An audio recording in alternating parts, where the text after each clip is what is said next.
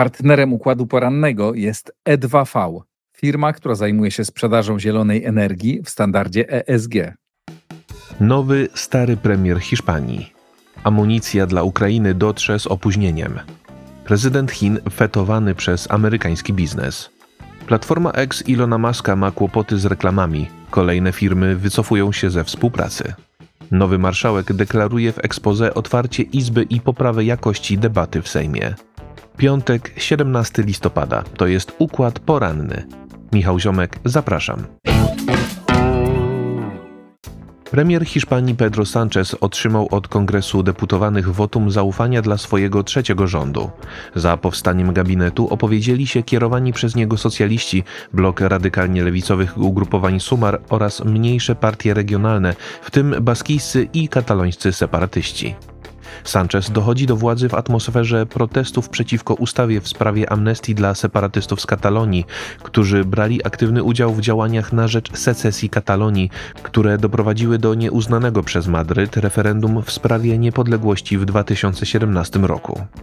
Przeciw tym decyzjom opozycyjna prawica organizuje wielkie protesty.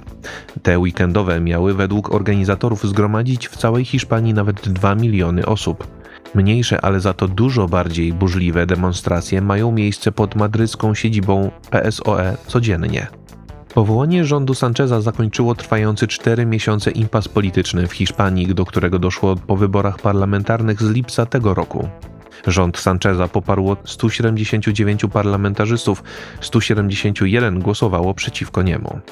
Przeciwni Sanchezowi byli tylko deputowani centroprawicowej Partii Ludowej i skrajnie prawicowej Partii Vox oraz jeden reprezentant Unii Ludowej Nawarry.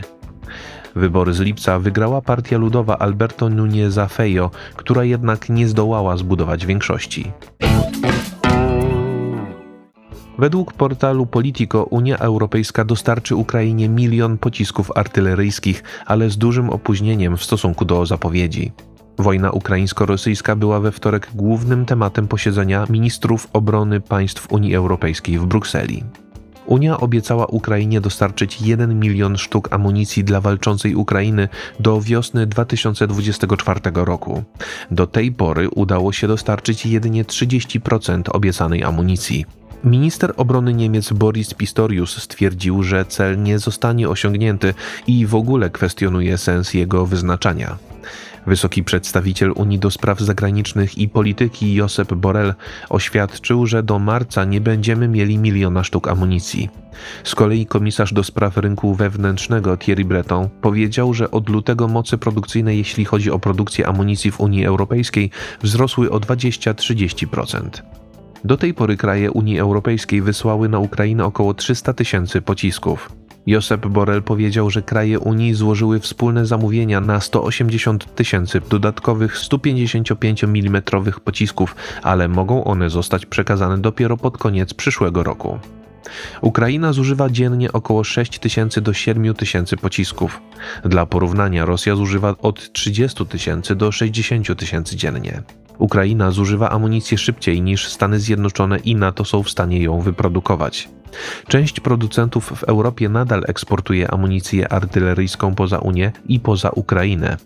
Borel dziś apeluje o przestawienie priorytetów dostaw przez unijny przemysł zbrojeniowy. Prezydent Chin Xi Jinping został przywitany oklaskami na stojąco przez liderów amerykańskiego biznesu, z którymi spotkał się na ekskluzywnej kolacji hotelu Hyatt Regency w San Francisco. Na spotkaniu byli obecni wielcy gracze, m.in. szefowie firm Apple, BlackRock, Boeing, Blackstone, KKR, Pfizer oraz FedEx. Był obecny również Elon Musk.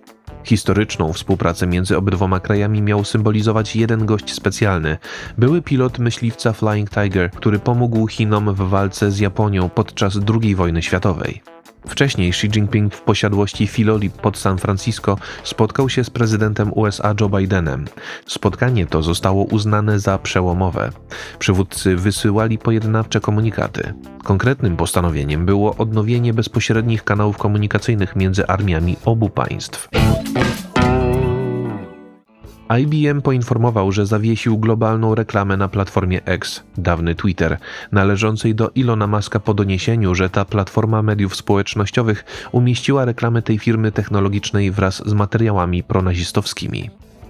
W czwartek lewicowa organizacja non-profit Media Matters opublikowała raport, w którym stwierdziła, że znalazła reklamy dużych marek, w tym IBM, Apple, Oracle oraz Xfinity i Bravo firmy Comcast, obok treści chwalących Adolfa Hitlera i jego partię nazistowską. IBM ma zerową tolerancję dla mowy nienawiści i dyskryminacji. Natychmiast zawiesiliśmy wszystkie reklamy w X do czasu zbadania tej niedopuszczalnej sytuacji, stwierdziła firma w oświadczeniu. Na zrzucie ekranu Media Matters pokazało reklamę Oracle umieszczoną pod postem zawierającą zdjęcie Hitlera i jego cytat. Kolejny zrzut ekranu przedstawiał reklamę Xfinity pod postem wychwalającym trzecią Rzeszę. Przedstawiciel platformy X, cytowany przez Financial Times, oświadczył, że konto znalezione przez Media Matters obok reklamy IBM nie będzie już monetyzować swoich treści, a konkretny post został oznaczony jako zawierający niebezpieczne treści. Kierownictwo X oświadczyło, że czyni wysiłki na rzecz zwalczania antysemityzmu i dyskryminacji.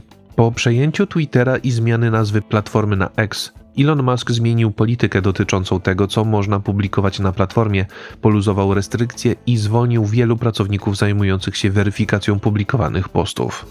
Wiele marek, obawiając się umieszczenia ich obok toksycznych treści, wycofało swoje reklamy. Musk podał w lipcu, że przychody z reklam spadły o około 50%.